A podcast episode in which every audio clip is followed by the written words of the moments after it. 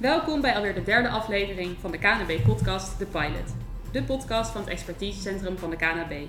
In deze podcast praten wij met experts en ervaringsdeskundigen uit de sport- en hockeywereld over verschillende thema's binnen de hockeysport. Mijn naam is Sascha en ik ben ook vandaag weer de host van deze aflevering. Zoals jullie misschien wel weten, bespreken wij in deze podcast in twee afleveringen één thema. En omdat we vandaag aan de, bij de derde aflevering aangekomen zijn, is het dus tijd voor een nieuw onderwerp en nieuwe gasten. En het onderwerp van vandaag is de perfecte training. En daarover ga ik vandaag met drie gasten in gesprek over vragen als: hoe ziet de perfecte hockeytraining eruit? Wat maakt een training goed of juist minder goed? Hoe bereid je je voor op een training? Hoe bepaal je je trainingsdoelen? En is een training bijvoorbeeld compleet als er geen partijtje gespeeld wordt? Over deze en vele andere vragen ga ik in gesprek met de ervaren trainster Helen de Jeune, trainer-coach van Nederlands Meisjes A en heeft in haar carrière al heel veel ervaring opgedaan met verschillende jeugd- en seniorenteams. En naast Helen zitten nog twee dames aan tafel, namelijk Noor van den Nieuwenhof en Eline Jansen. En zij spelen beide in Nederlands Meisjes A onder leiding van Helen en spelen ook in Kampong Meisjes A in. Heel leuk dat jullie er zijn, alle drie. Nou, jullie staan, eh, Noor en Eline, volgens mij eh, heel veel op het trainingsveld. En, en Helen natuurlijk ook. Dus volgens mij hebben we met jullie aanwezigheid eh, heel veel ervaring aan tafel zitten. En kunnen we mooie antwoorden geven op verschillende vragen die ik net al even stelde. Ik heb jullie net al even kort geïntroduceerd, maar ik denk dat jullie dat zelf een stuk beter kunnen. Dus ik zou jullie willen vragen om jezelf wat uitgebreider voor te stellen aan onze luisteraars. Helen, wil jij beginnen? Ja, uiteraard. Nou ja, ik heb al wat highlights in mijn haar zitten, dus ik loop al een tijdje mee. Ehm, eh, als ik helemaal terug ga in de tijd, dan ehm, begin ik te vertellen uiteraard dat ik uit een uh, gezin kom uh, met een fijne vader en moeder en vier kinderen. Ik ben de vierde op rij. En we zijn echt breed opgeleid, allerlei sporten mogen doen en best, een, best een stabiele thuissituatie.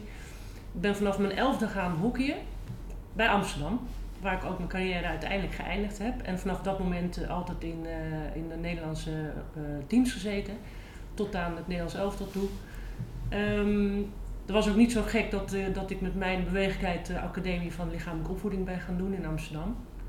Dat was in de periode ook dat ik in Jong Oranje zat. Dat was goed te combineren.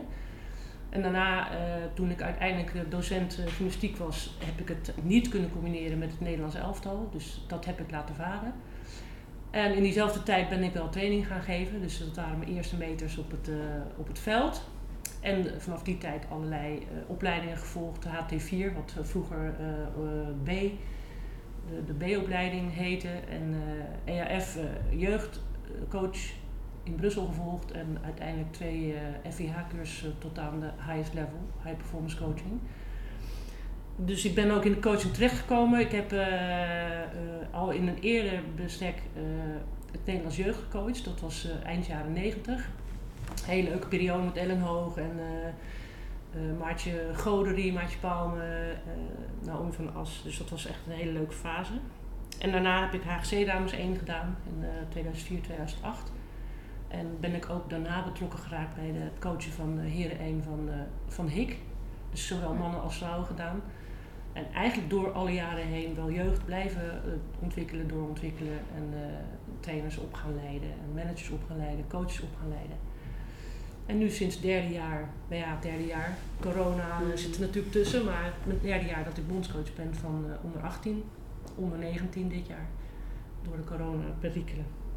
Ik ben ook moeder van drie kinderen, inmiddels volwassen. En al heel lang samen met mijn, uh, met mijn man, bijna 30 jaar getrouwd. Dus uh, ook daar hebben we een stabiele omgeving. Dus ja, mag niet klagen. Goed om te horen. En jij uh, hebt Noor en Eline meegenomen. Willen jullie ook wat over jezelf vertellen? Um, ja, ik ben 16 jaar oud. Ik speel samen met Eline in Kampong Meisjes 1 en doe ook mee met Dames 1. Um, voordat ik bij Kampong heb gehockeyd, heb ik met plezier bij Scherweide gehockeyd. Um, ik zit ook in Nederlands A en ik heb eigenlijk alle jeugdteams uh, doorlopen. Het is strikt min Nederland. Um, Nederlands B, opleidings B en ik zit dus nu in Nederlands A. ik woon thuis met mijn ouders en mijn jongere zusje en mijn oudste zus. Ik heb ook een hond en ik zit ik woon in Soest en ik zit op, het, op school in het Baars Lyceum en doe VWO 5. Top. Eline? Eh, nou, ik ben dus Eline Jansen, ook 16 jaar. Ehm, speel al eventjes bij Kampong. Ben in tweejaars D overgestapt van Zwaluwen naar Kampong dus. Ehm, ik woon thuis met mijn moeder. Mijn vader woont in Maarsen, die zijn gescheiden. Ehm, ik heb twee honden, Puk en Senna. En eh, ik zit op school in Utrecht op het Sint Bonifatius College in 5 VWO. En ja, dat was het wel. Klinkt goed. Ben ik vooral ook nog even heel benieuwd welke positie jullie spelen. Eh, ik speel eh, of voorstopper, dus eh, ja, vrije verdediger, of laatste vrouw speel ik. Leuk. En jij? Eh aanvallende middenvelder, dus zowel middenveld als aanval. Top. Leuk. Nou, dan is het misschien leuk om nog even te vertellen waar we zijn. We zitten hier namelijk op Kampong. En eh, nou, dat is voor deze podcast een, eh, wel een inspirerende omgeving. En eh, voor jullie ook allemaal bekend terrein. Dus verder denk ik dat we eigenlijk alle praktische puntjes besproken hebben. En ik heb heel veel vragen aan jullie. Dus als jullie er klaar voor zijn, dan gaan we gewoon beginnen. Ja. Dan heeft het fluitsignaal eh, geklonken en kunnen we gaan starten. Helen, ik zou graag met jou willen beginnen. En eigenlijk is de eerste vraag, als ik zeg de perfecte training, waar denk jij dan aan? Eh, dan denk ik aan de vertaling van het woord perfect. Want wanneer is een training perfect? Dat is de grootste vraag. Ja. Dus dan, eh, eh, daar, daar denk ik dan aan, dat je dat eerst moet omschrijven. Wanneer voor jou een training perfect is. Ja, En als die voor mij perfect is, dan hoeft die voor jou nog niet perfect te zijn. nee, dat is denk ik precies waar we het vandaag over kunnen hebben. En eh, misschien iets eh, concreter stellen. Wanneer heb je nou het gevoel dat een training goed loopt? Of dat je zelf denkt van, nou, ik kom tevreden van het veld af en ik heb echt zoiets van, ja, dit was hem. Ja, als trainer, als trainer-coach is dat voor mij wel dat je een bepaalde groei ook waarneemt bij eh, speelsters. Dat speelsters plezier hebben, dat vind ik belangrijk. Dat betekent niet dat een training altijd leuk hoeft te zijn. Maar het is wel belangrijk dat ze successen ervaren, fouten mogen maken. Ja, en als je dan eh, in een soort flow raakt in de training waar veel eh, beweging is en veel uitdaging, dan, eh, dan is die vaak voor mij wel geslaagd. Hoe is dat voor jullie eh, meiden? Nou, voor mij is een training redelijk geslaagd als ik gewoon le- alles gegeven heb. Dus als ik echt met mijn tong op mijn, hoe noem je dat? Tong op je, help even, hoe heet dat? Tong op je? Nou, dat je helemaal kapot Ja, bent. dat. Als je helemaal kapot bent. Eh, en als je niet de hele tijd in je hoofd zit van, oh dit ging fout, dat ging fout. Dat je ook gewoon een beetje in een po- positieve flow zit. Dan is voor mij een training geslaagd. Ja, voor mij is denk ik een training geslaagd. Dus als ik ehm, ook echt heel hard mijn best heb gedaan en een voldaan gevoel heb. En wanneer ik ehm, de doelen die ik voorafgaand eh ja, in mijn hoofd had, dat ik, die, dat ik daar aan denk tijdens de training en dat ik eh, daarmee bezig ben. En dat ik daar ook ehm, progressie in zie wanneer, dat, wanneer mijn doel ehm, steeds beter gaat. Wanneer dat, eh, ja, als dat zo is, dan is voor mij een training eerder geslaagd. Mooi. Dus ik hoor eigenlijk al heel veel verschillende dingen voorbij komen over successen en over doelen en over moe worden. Nou, volgens mij zijn dat eigenlijk allemaal dingen die, eh, die leuk zijn om vandaag te bespreken. Misschien is het leuk om dan gewoon even te beginnen bij de voorbereiding voor een training. Helen, dan zou ik bij jou, aan jou willen vragen, hoe bereid jij een training voor? Hoe bereid ik een training voor? Ik kijk eerst naar het niveau van de groep. Ik denk dat dat eh, nu voor de komende periode ook wel spannend is. Waar staat iedereen? En vanaf daar kun je dan eh, doelen stellen wat je wil bereiken. Het is ook afhankelijk van in welke fase je zit. Of je in een voorbereidende fase zit, net weer begonnen bent, of vlak voor een toernooi in een piekfase. Maar ik bereid me echt wel op papier voor. Dus ik eh, begin te tekenen en ik probeer het me voor te stellen hoe dat eh, in zijn werk gaat. Hoeveel meters ze moeten lopen, eh, hoe zwaar het is, hoe lang je, in, eh, hoe lang je de oefening laat lopen. Het gaat natuurlijk in de praktijk niet altijd zoals je het op papier uitwerkt. Maar het, het, de, basis, de basisoefening staat wel. En in de training zelf evalueert hij dan, ontwikkelt hij zich. Ja, mooi. En werk je dan ook met doelen over een heel jaar heen? Of werk je eigenlijk veel meer met korte termijn doelen die je wil bereiken? Nou, je hebt uiteindelijk eh, een toernooi, bij het Nederlands Jeugd een toernooi waar je naartoe kan werken. Daar wil je op een bepaalde manier eh, voor de dag komen. En je hebt wel rekening te houden met ook wat ze, hoe zwaar ze bij de club trainen en met wie ze trainen. eh, zodat je oefenstof daar ook op af kan stemmen. En het gaat ook echt over de persoonlijke ontwikkeling, dus de individuele ontwikkeling van de speelsters. Dus het is niet een eenheidsworst die je voorhoudt. Het is ook echt wel op het lijf geschreven. Je probeert alle spelers wel te bedienen. De omstandigheden zo te creëren dat ze allemaal ook echt iets in die training eh, kunnen leren. En hoe bereiden jullie je voor op een training, Noor en Eline? Ehm, ja, ik, zoals ik al had gezegd, ik ga wel met een doel naar een training. Dus ehm, wat wil ik die training eh, behalen? Ehm, maar ik ga, ik, ik ga ook een beetje er los in. ehm, dat ik met plezier hockey. Want dan gaat het sowieso, dan hou ik denk ik mijn doel eerder dan wanneer ik dat niet doe. Ehm, ja, zo bereid ik me eigenlijk voor. En ja, met goede voeding ook. Dat je een training goed voorbereidt. En eh, ja, zo bereid ik me eigenlijk wel voor. Kan je een voorbeeld noemen van een doel dat je dan voor jezelf stelt? Ehm, stel ik heb ehm, tijdens de wedstrijd wat minder eh, goede aannames gehad of zo. Dat ik me focus op eh, de eerste, eerste dingen. Dus de goede aannames, de eerste paas. Dat je, dat je daar dan op let tijdens de training. En jij, Eline? Eh, voor mij is het wel belangrijk dat ik gewoon even al mijn spullen op orde heb. Dat ik weet hoe laat ik waar moet zijn. Dat mijn fles gevuld is. Dat ik weet waar mijn schoenen zitten, waar mijn biggen zitten. Dat ik zeg maar alles een beetje op orde heb. Dan kom ik ook met meer rust op de training. En voor mij is het belangrijk gewoon dat ik met plezier op het veld sta. Want Als ik helemaal vol zit van de zenuwen, nou, dan gaat het met ballenstick ook niet goed. Dus gewoon lekker losjes, er zin in hebben, plezier maken. Ja, en als er bijvoorbeeld Noor ook zei, als er iets slecht ging in de wedstrijd, dan daar even meer op focussen. Dat je weet wel, ik kan het wel, dus ik moet gewoon even rustig goed doen. Maar spullen op orde hebben, dat is echt key voor mij. Ja, dat vind ik ook wel heel belangrijk. Dat dat, dat eh, voor een training zo is. Kan ik me heel goed voorstellen. En het is heel erg leuk om deze twee antwoorden naast elkaar te horen. Omdat je dus ook niet een, een, een, zeg maar één, een eenheid hebt in hoe zij er allemaal in staan. Het is allemaal verschillend. En eh, het leuke van het Nederlands A van de training is dat je al een bepaald niveau hebt waarop je kan trainen. Dus eh, dat is eigenlijk ook anders dan bij, bij een A1, waar ook de verschillen wat groter zullen zijn dan eh, in de Nederlands jeugd. Dus het is ook wel heel erg leuk om te horen dat, dat Noor dan in dit geval heel erg begint met de persoonlijke doelen. Dat is ook iets wat bij de zelfregulatie hoort, waar we al een paar jaar, paar, jaar mee aan het werk zijn. En dat Eline nog veel meer daarvoor al zit in haar hoofd. Van, en als alles geregeld is, nou weet je, en dan komt ze in die flow. Dus eh, Ja. ik vind het wel leuk om, om dat verschil eh, ook te horen. Ja, zeker. Ja. En weten jullie van tevoren ook wat je gaat doen op een training? Nee. Nee, dat weten we niet. Nou, vaak wel een partijtje, dat hoort er wel een beetje bij. Maar Daar komen we zo nog wel even op. Is dat iets wat jij bewust doet? Of juist niet? Ehm, nou, maar ik denk dat er, dat er twee niveaus in, in dit verhaal zitten. Hè? Dus het antwoord van Eline is denk ik ook vanuit eh, de A1. Het zou kunnen, hè, van het kampong. Dus hoe daar dan eh, getraind wordt of hoe in het Nederlands getraind wordt. Kijk, wij weten als begeleiding vooraf wat we gaan doen. En we hebben individuele gesprekken om eh, leerdoelen te stellen. Dus vooraf hebben ze er wel over nagedacht wat ze in ieder geval in de training van het Nederlands jeugd door kunnen ontwikkelen. En dan gaat het ook eh, verder dan alleen maar eh, wat ze op de training leren. Hè.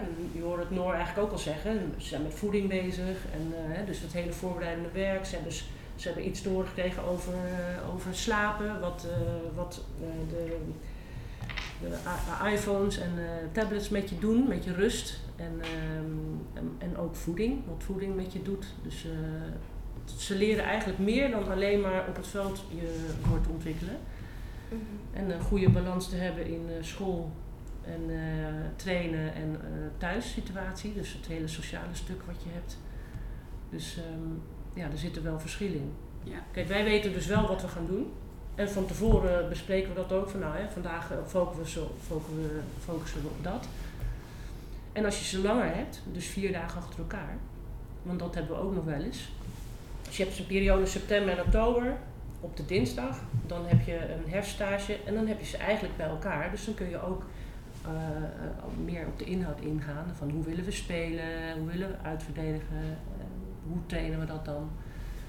Ja. Wat, wat is jouw eigen rol daarin? Dus eh, ja.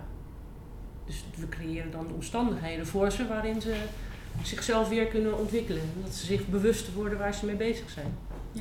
Dus er komt eigenlijk veel meer bij kijken dan puur alleen de training op het veld. Ja, we doen ook nog krachttraining daarnaast. Ja, Tenminste, je elke doet, woensdag. andere, je doet andere sporten om fit te blijven. Zo doen we kracht, krachttraining. Ja, Ehm, gingen we een keer, toen er heel veel sneeuw lag, toen gingen we met het team gingen we squashen.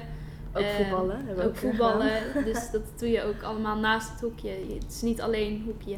Nee, Het is precies. ook allemaal randzaken daaromheen.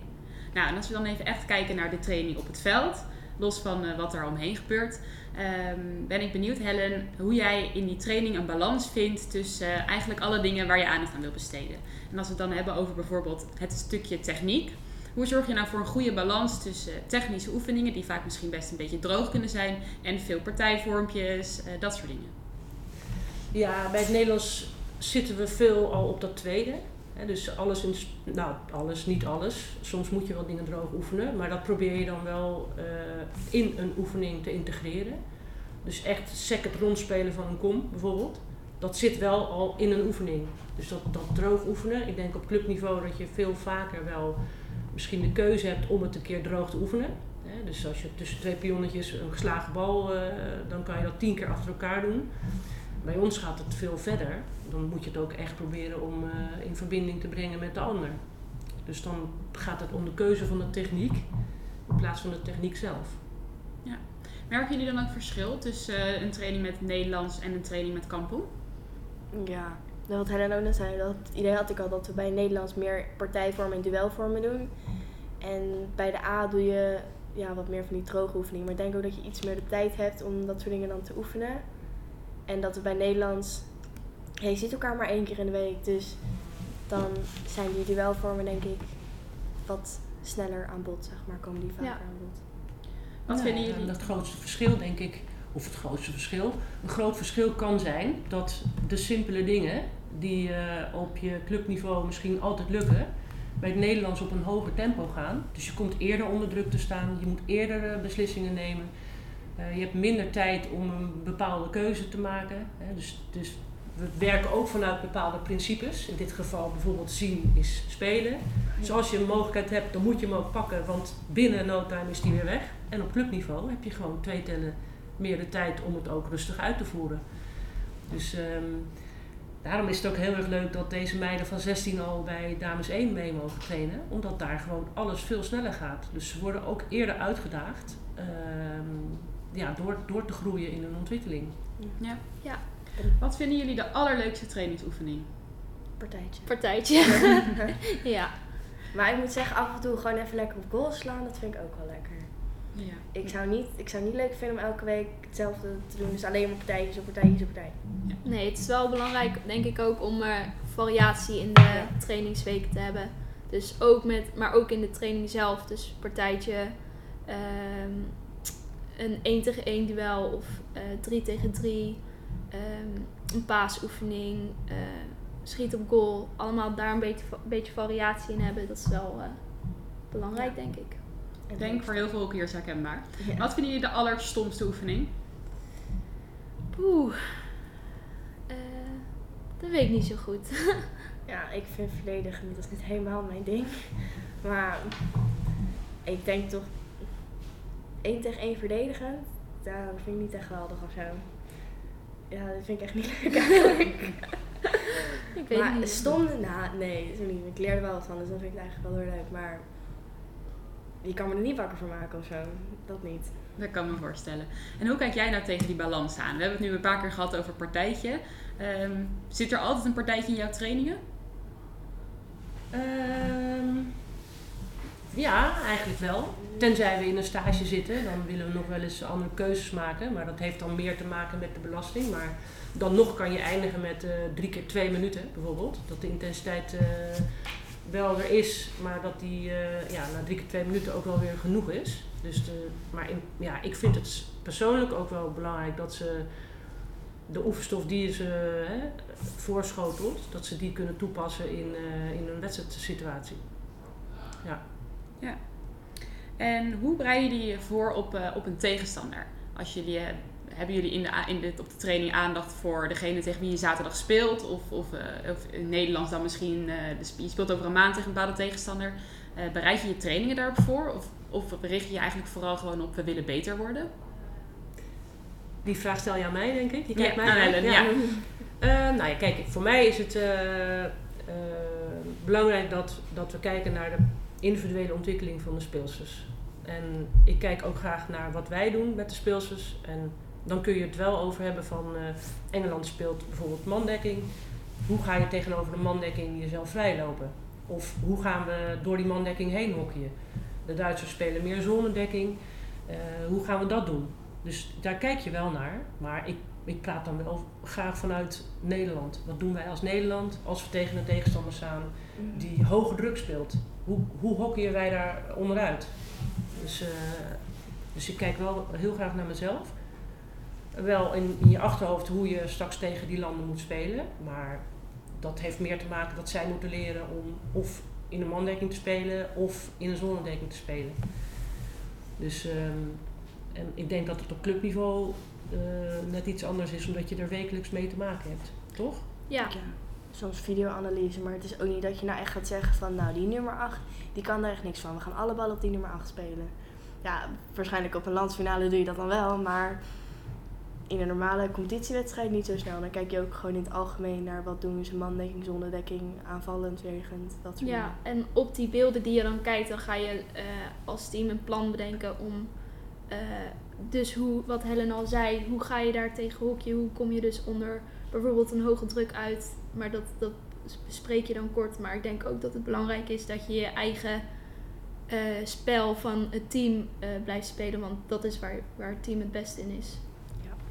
Dus eigenlijk wil je op zoek naar een balans tussen een beetje kijken wat doet de tegenstander en hoe maken we een plan daarin. Maar ook gewoon hoe maken we onszelf beter en hoe ontwikkelen we ons. Ja. ja.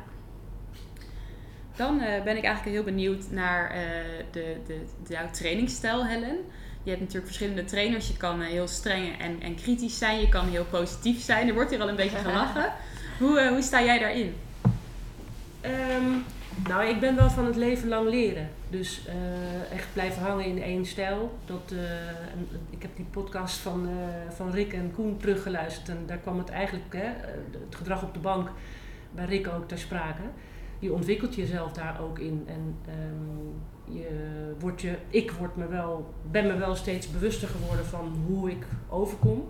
Maar dan nog kan ik wel eens aangesproken worden uh, hoe ik erbij sta. Met mijn armen over elkaar. Uh, ja, weet je, dat komt gewoon streng over. Terwijl je misschien van inborst helemaal niet zo bent.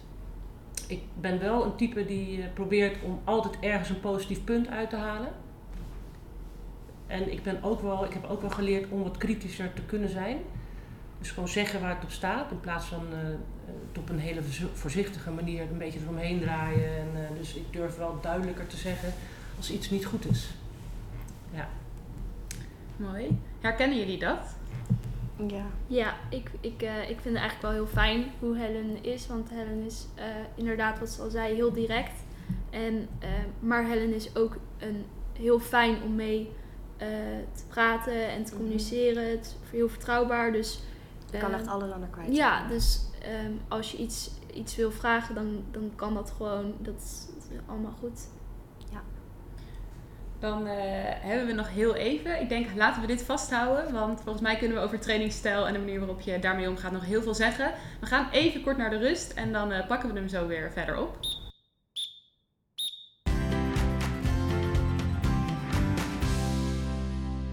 Na dit eerste kwart uh, tijd voor een, uh, een, korte pauze. En uh, tijdens de rust gaan wij eigenlijk altijd over naar de rubriek Jouw hockeyverhaal. En daarin vragen wij onze gasten om hun, nou ja, hun allerbijzonderste hockeyherinnering met ons te delen. En dat kan echt van alles zijn, van binnen het veld tot erbuiten, van vroeger of iets wat je net hebt meegemaakt. Dus Noor, zou jij willen beginnen? Mijn ultieme hockeyverhaal, dat is dat ik in de C met Schrwijde landskampioen ben geworden in de zaal. En ehm, wat ik daar zo bijzonder aan vind, is dat ik dat met een heel leuk team heb gedaan. Maar ook omdat ik met uh, mijn jongere zusje dat samen heb behaald. Dus dat ik samen landskampioen ben geworden met haar. Ja, dat vind ik echt heel bijzonder. Uh, en dat uh, ja, is wel mijn ultieme hockeyverhaal. Superleuk. En jouw zusje zit ook in het Nederlands B, toch? Ja, ja. zit in Nederlands B. En, en nou, denk je dat zij ook dat haar ultieme verhaal vindt? Als we die vragen aan haar stellen? Denk het wel, want dat is wel iets wat... Uh, Jullie gewoon samen hebben beleefd. Ja, dat is wel echt iets heel gaafs dat wij met z'n tweeën... Ja, dat is wel uh, ons ja. echte... ja, leuk. Echte highlight uit onze carrière, kleine carrière wat we ja. nu hebben. nou, in ieder geval een sportieve familie als ik dat zo hoor. Zeker, ja. Dan uh, Eline, wat is jouw hockeyverhaal? Ehm, mijn hockeyverhaal is ehm, toen tijdens de eerste, mijn eerste DOD, mijn enige uiteindelijk.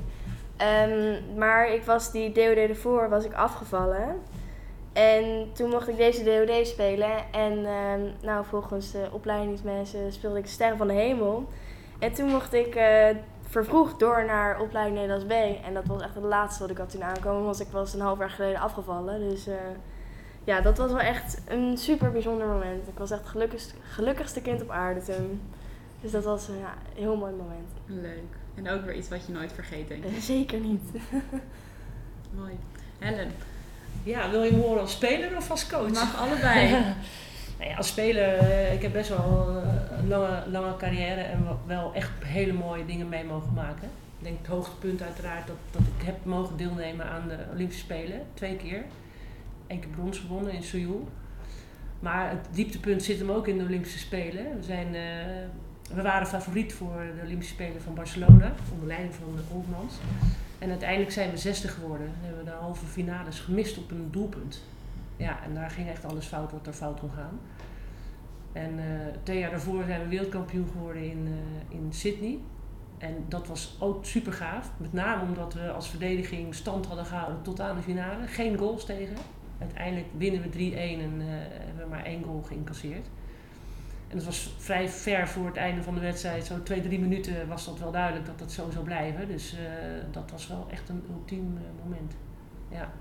En als coach, ehm, ik ben op een gegeven moment aangesteld bij HGC. Die zijn halverwege het seizoen gedegradeerd uit de hoofdklasse. Drie jaar later gepromoveerd. En dat was ook echt een ontzettend vet moment om, om mee te maken. Ja. Mooi. Mooie verhalen. Ik denk alle drie. En alle drie net weer anders, maar eh, hele mooie herinneringen volgens mij. Dank jullie wel. Dan kunnen we door naar het, eh, naar tweede kwart.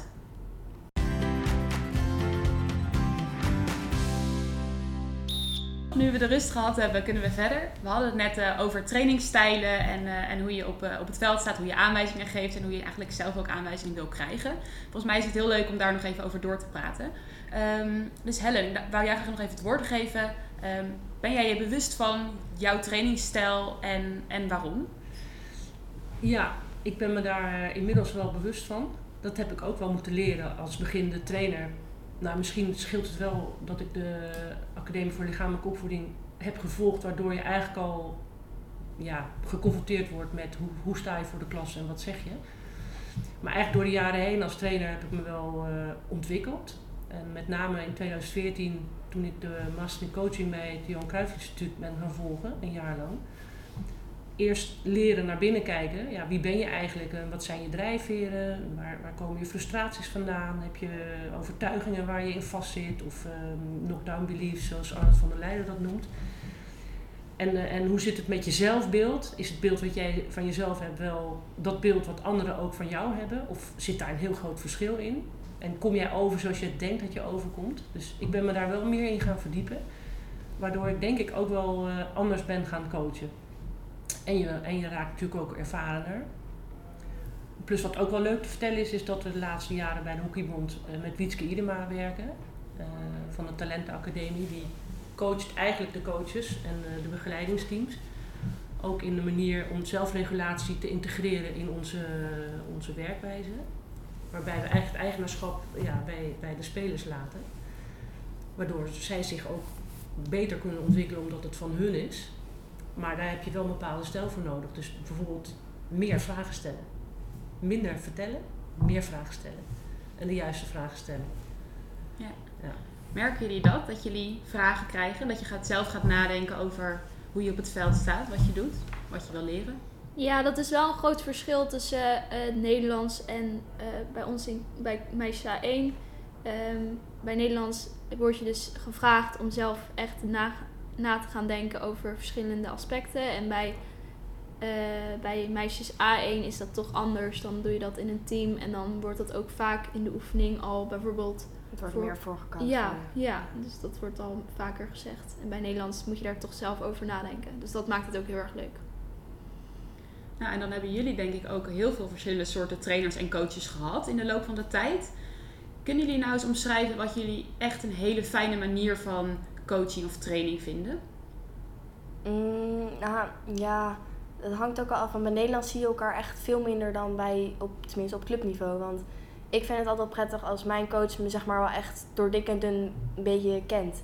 Dus waar, wat mijn valkuilen zijn, wat mijn sterke punten zijn en hoe die me ook zeg maar kan helpen daarin.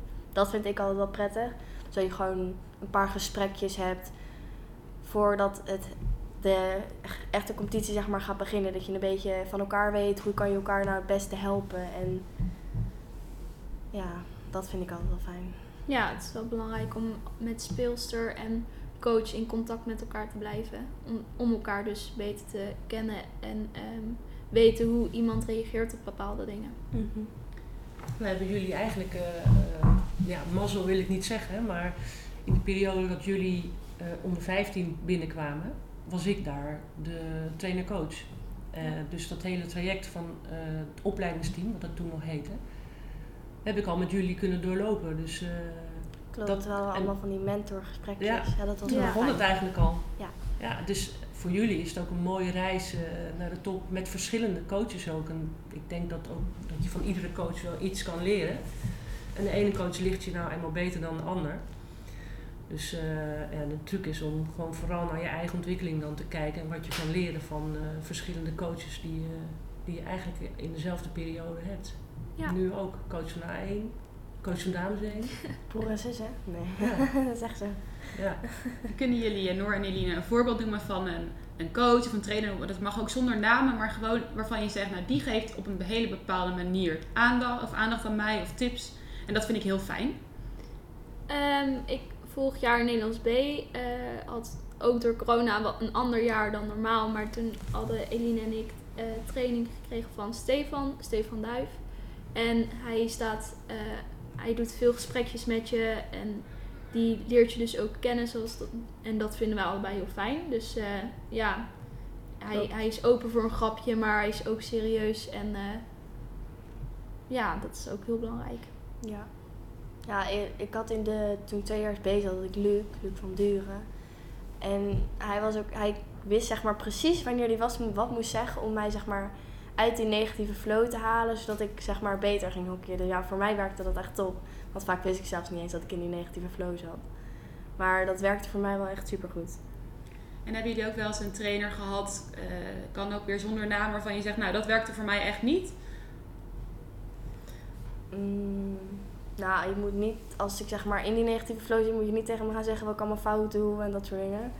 Ja, ik kan niet een specifieke naam noemen, denk ik. Want, Nee, hoeft ook ja, ik weet niet. wie dat allemaal doet. Nee, dat weet ik ook niet. Nee. En soms is dat ook wel iets wat je pas achteraf misschien je bewust van wordt. Als ik even naar mijn eigen hockeycarrière kijk. Dan was, eh, ik, heb, ik ben gecoacht geweest, hij liep net langs Oldmans. En, eh, maar ook Gijs van Heumen. En ik heb op clubniveau Hans Jorritsma gehad. Nou, dat zijn echt wel kanonnen. En van iedere coach heb ik wel wat eh, opgestoken. En met Oldmans eh, eh, de successen behaald. Olympische Spelen, wereldkampioen in Sydney. Dus ja, het is ook maar net de, de fase waar je in zit en welke snaar er geraakt wordt door de coach. Dus, ehm, maar dat is iets voor mij wat ik achteraf, eh, ook in mijn jeugd, ontzettend leuk co- coach gehad, Hout van Laar. Brett Ipenburg, ik weet het nog precies. Dat zegt wel wat, want het is echt wel heel lang geleden. Ja. Die ook gewoon eh, de groep eh, zo leuk, op een leuke speelse manier benaderde. Altijd op Papendal, overigens, als trainingslocatie. Ja.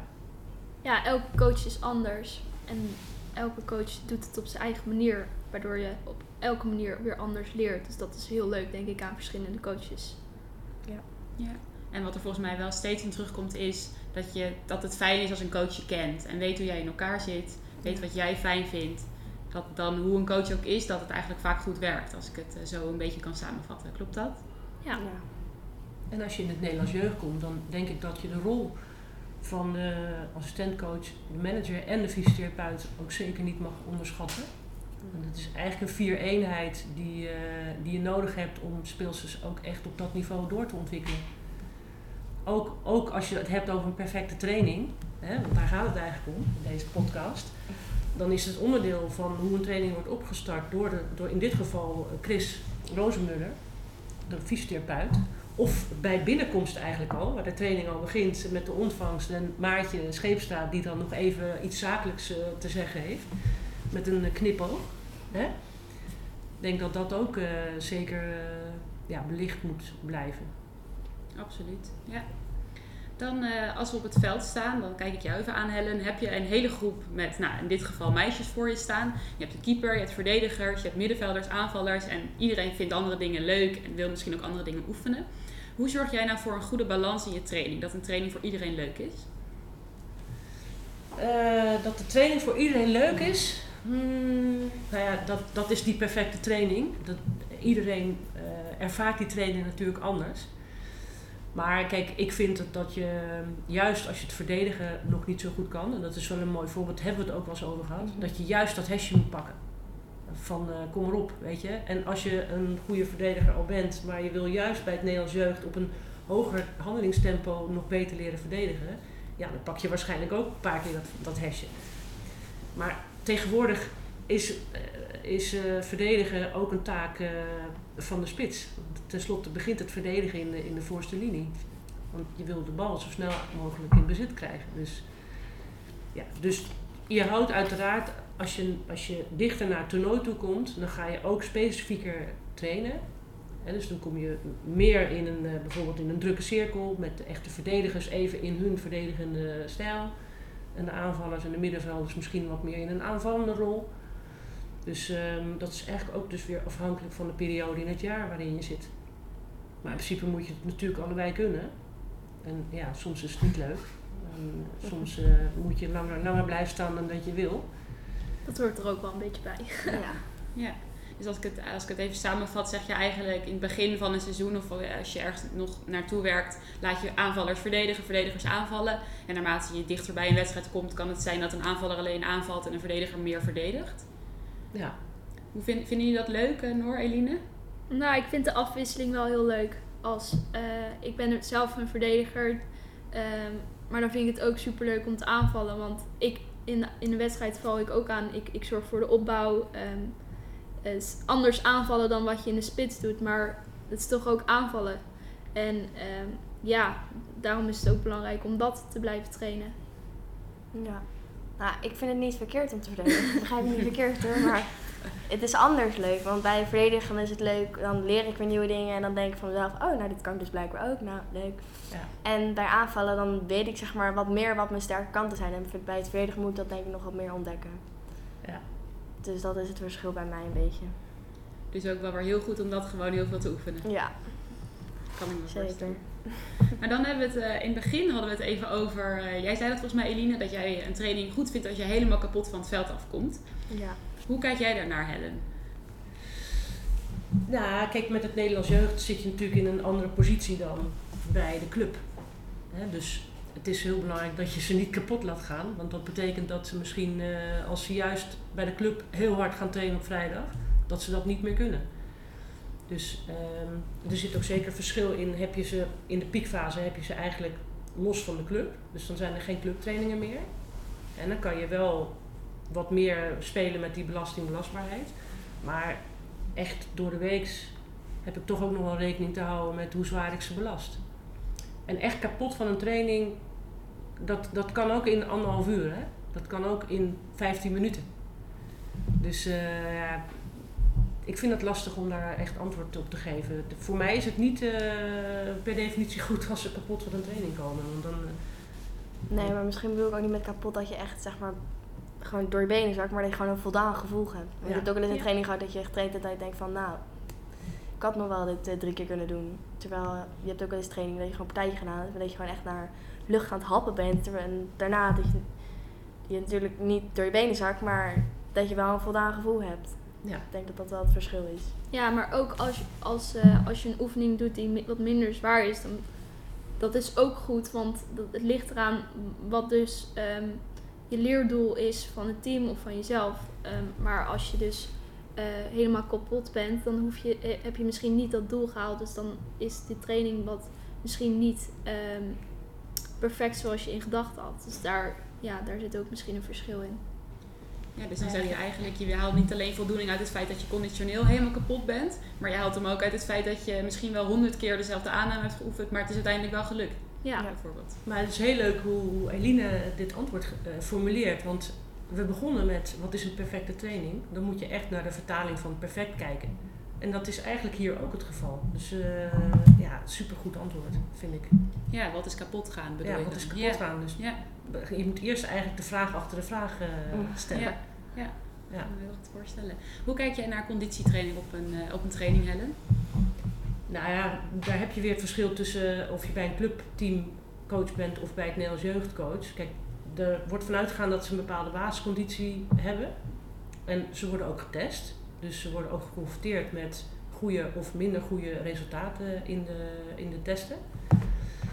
En echte conditietraining bij het Nederlands uh, gebeurt niet door het jaar heen. Althans, hè, niet zoals je dat gewend bent op de club. Dat je het bos in gaat en dat je met uh, achter je oren weer terugkomt.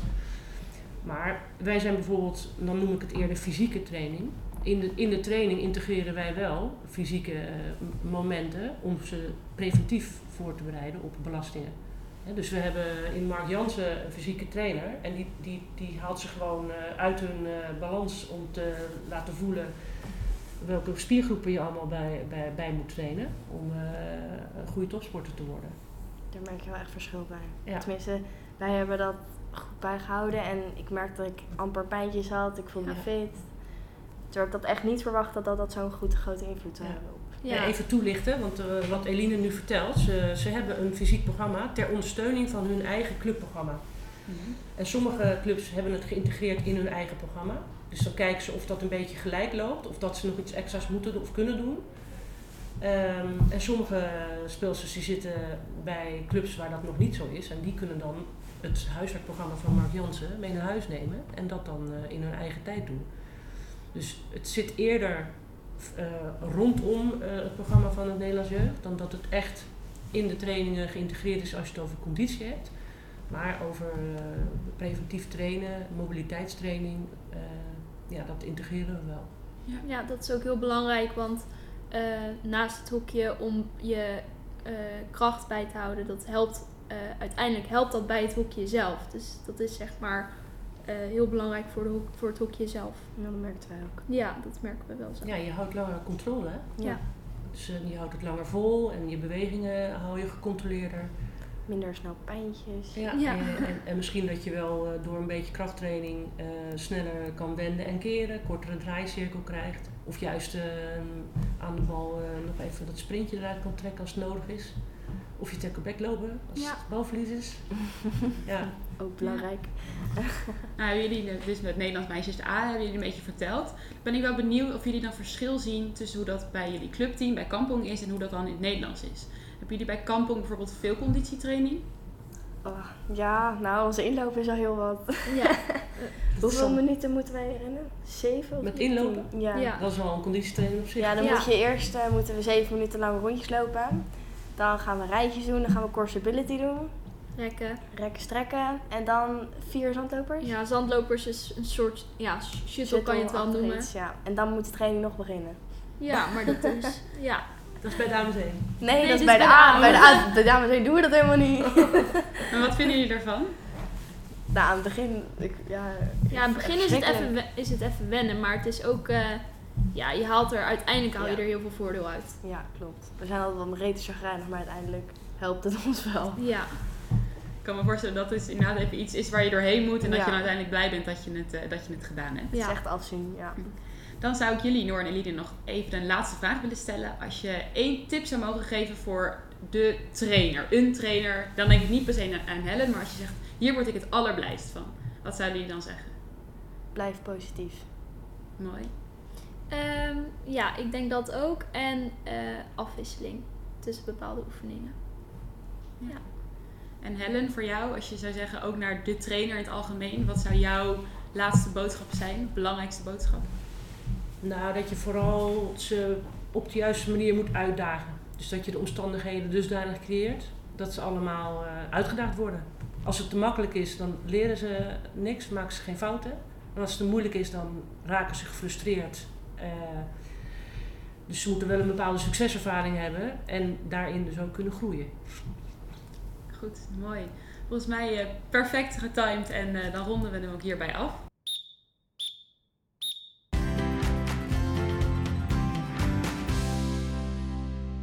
Dan gaan we door naar de shootouts. Dat is inmiddels denk ik voor de bekendere luisteraars een bekend principe.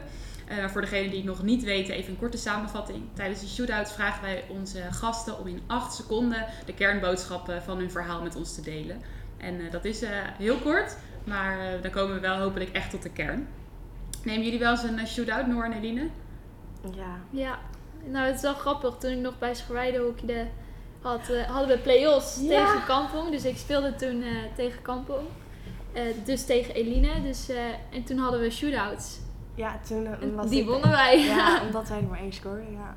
Oh, dat, oh. jullie hebben er allebei ervaring mee. Dus ja. Nou, dan doen we hem nu uh, in woorden in plaats van met bal en stick. Eline, zou jij willen beginnen? Ja, nou als trainer denk ik zorg dat je je speelsters uh, goed kent. En als speelster denk ik zorg dat je plezier houdt in het spelletje. Top. En heel snel.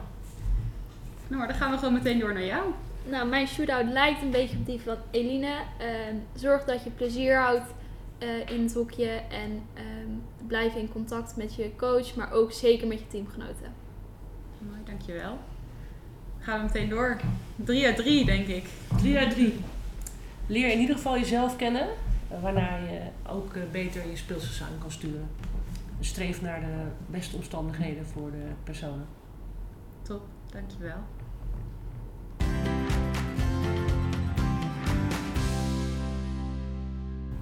Dan is het eh, alweer tijd voor het laatste onderdeel van deze podcast, de cooling down. En in de cooling down vragen wij onze sprekers om de luisteraars een tip mee te geven. Van iets dat jou, als, nou, dat jou inspireert als persoon, wie je bent of wat je doet. Waarvan je zegt dat moet iedereen kijken, luisteren. Kan een boek zijn, kan een, een andere podcast zijn of wat dan ook.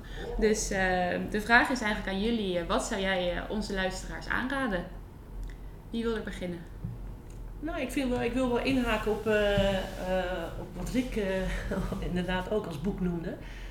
Die noem ik nu wel, omdat ik daar echt een enorm fan van ben, waarin je leest hoe je de beste vraag kan stellen. Het boek van Elke Wis, Socrates op sneakers. En als je door, doorborduurt op Elke Wis, dan kom je bij de denksmederij en dan ga je de filosofietjes in en leren reflecteren. We komen eigenlijk op het onderwerp waar we het net over hadden. Als je weet waar je mee bezig bent, dan kun je ook uh, je daarin ontwikkelen. Maar wat ik uh, de, de, coaches en trainers ook aan zou raden, is uh, boeken die Wietske Idema heeft geschreven over zelfregulatie in de sport. Succesmethode voor talentontwikkeling. Waar ze een aantal tools geeft om ook de juiste vragen te stellen en de speelsters op ja, de juiste richting te wijzen. Samengeschreven met Marjolein Torenbeek. ZIP Coach heet het, ZIP Coach. En ze heeft er nog eentje geschreven, dat heet Chaos. En dat uh, gaat over het masteren van een team. Dus dan borduurt ze eigenlijk voort op, uh, op het eerste onderdeel zelfregulatie in de sportpraktijk. En ik heb onlangs het playbook gekeken op Netflix. De levensregels van vijf uh, bekende coaches uit de wereld. Tenniscoach, Mourinho zit erin. Er zit een basketbalcoach in, een damesvoetbalcoach. Heel erg leuk en inspirerend om, om te luisteren. Ja, nou ja, zal ik nog even doorgaan. The Why van Simon Sinek. Als je niet weet waarom je dingen doet, dan, uh, ja, dan, dan, ga je, dan doe je maar wat. Dan onderbouw je het niet voor jezelf. Why, how, why, how, what. Principe. Leuk. Genoeg uh, inspiratie, ja. denk ik, voor veel mensen. Maar Leuk. de boeken van Wietske Idema, er komt er nog eentje aan. Dus uh, ze heeft me nog niet verklapt hoe de titel wordt. Kijk. Nou, de eerste twee liggen hier op tafel ja. en uh, die, zijn, uh, die zien er hartstikke goed uit. Ze zijn niet super dik, dus... Uh, nee, maar dat is juist fijn. Precies. Dus, ja. ja, leuk. Nou, Noor Eline, hebben jullie een, een cooling down tip? Nou, ik had met mijn familie heb ik de serie, nou, de documentaire op Netflix The Last Dance gekeken over Michael Jordan. Dat is een basketballer. En die documentaire gaat over hoe hij met uh, zijn team voor de laatste keer, dus de Last Dance, de titel wil, uh, wil behalen. En wat ik daar zo mooi aan vind, is hoe um, er een beeld is gebracht hoe dat team uh, er samen naartoe werkt, maar ook als individu hoe je die titel wil behalen. En wat ik er ook zo mooi aan vind, is dat je een heel eerlijk beeld krijgt, wat je normaal nooit te zien krijgt op televisie. Maar dat je dat in zo'n documentaire wel kan zien. En bedoel je dan zeg maar met dat normale beeld of het beeld van het afzien van de topsport? Nou, normaal je zie je alleen op eh, televisie dat ze, dat ze de titel halen en hoe ze en, en de wedstrijden. Maar je krijgt er echt een beeld bij hoe eh, op de trainingen, hoe fel ze naar elkaar toe zijn. Hoe eh, gesprekken lopen tussen coaches en speel, spelers. Dat is een goed beeld van hoe het er achter de schermen aan toe gaat. Ja, achter de schermen, ja. Allemaal kijken dus. Ja, zeker. Dikke tip. Eline, en jij? Ja, ik had precies dezelfde. En ik heb ook niet heel veel meer aan te vullen wat normaal zijn. Een goede samenvatting. En eh, ik zou hem ook zeker kijken. Nou, dan denk ik dat we er niet meer omheen kunnen. Dat dat gewoon de tip Ja. van de dag is. Super, dank jullie wel. Graag gedaan. Dat was hem alweer, de derde aflevering van deze podcast. De tijd vloog voorbij, maar we hebben nog net even een momentje om eh, jullie te wijzen op het evaluatieformulier bij deze podcast. We zitten namelijk nog in de pilotfase eh, en daarom zijn we ook nu weer heel erg benieuwd naar jullie mening over hoe we deze podcast nog beter kunnen maken. Dus daarom de vraag aan jullie als luisteraars of jullie een korte evaluatie zouden willen invullen na het luisteren van deze aflevering. En ook als je dat bij de vorige afleveringen al gedaan had, blijft jullie input waardevol voor ons. Eh, en dat formulier vind je via knb.nl slash podcast of in de, de link in de beschrijving van deze aflevering. En het invullen duurt slechts een paar minuutjes en je maakt ons eh, in ieder geval heel blij met je feedback. Dan nog even een laatste praktisch puntje is dat de volgende aflevering, en dus ook de tweede helft van dit onderwerp, eh, er alweer aankomt. Dus als je zeker wil weten dat je die niet mist, vergeet je dan niet te abonneren op deze podcast. En dan wil ik jullie, eh, Helen, Noor en Eline, heel erg bedanken voor jullie mooie verhalen. Jullie zijn super open en eerlijk geweest en ik denk voor heel veel mensen inspirerend om dit te horen. Noor en Eline, jullie gaan zo lekker het veld op. Jullie mogen lekker trainen. En eh, dan wil ik ondertussen nog even alle luisteraars weer heel erg bedanken voor het luisteren. En eh, hopelijk tot snel eh, bij de volgende aflevering.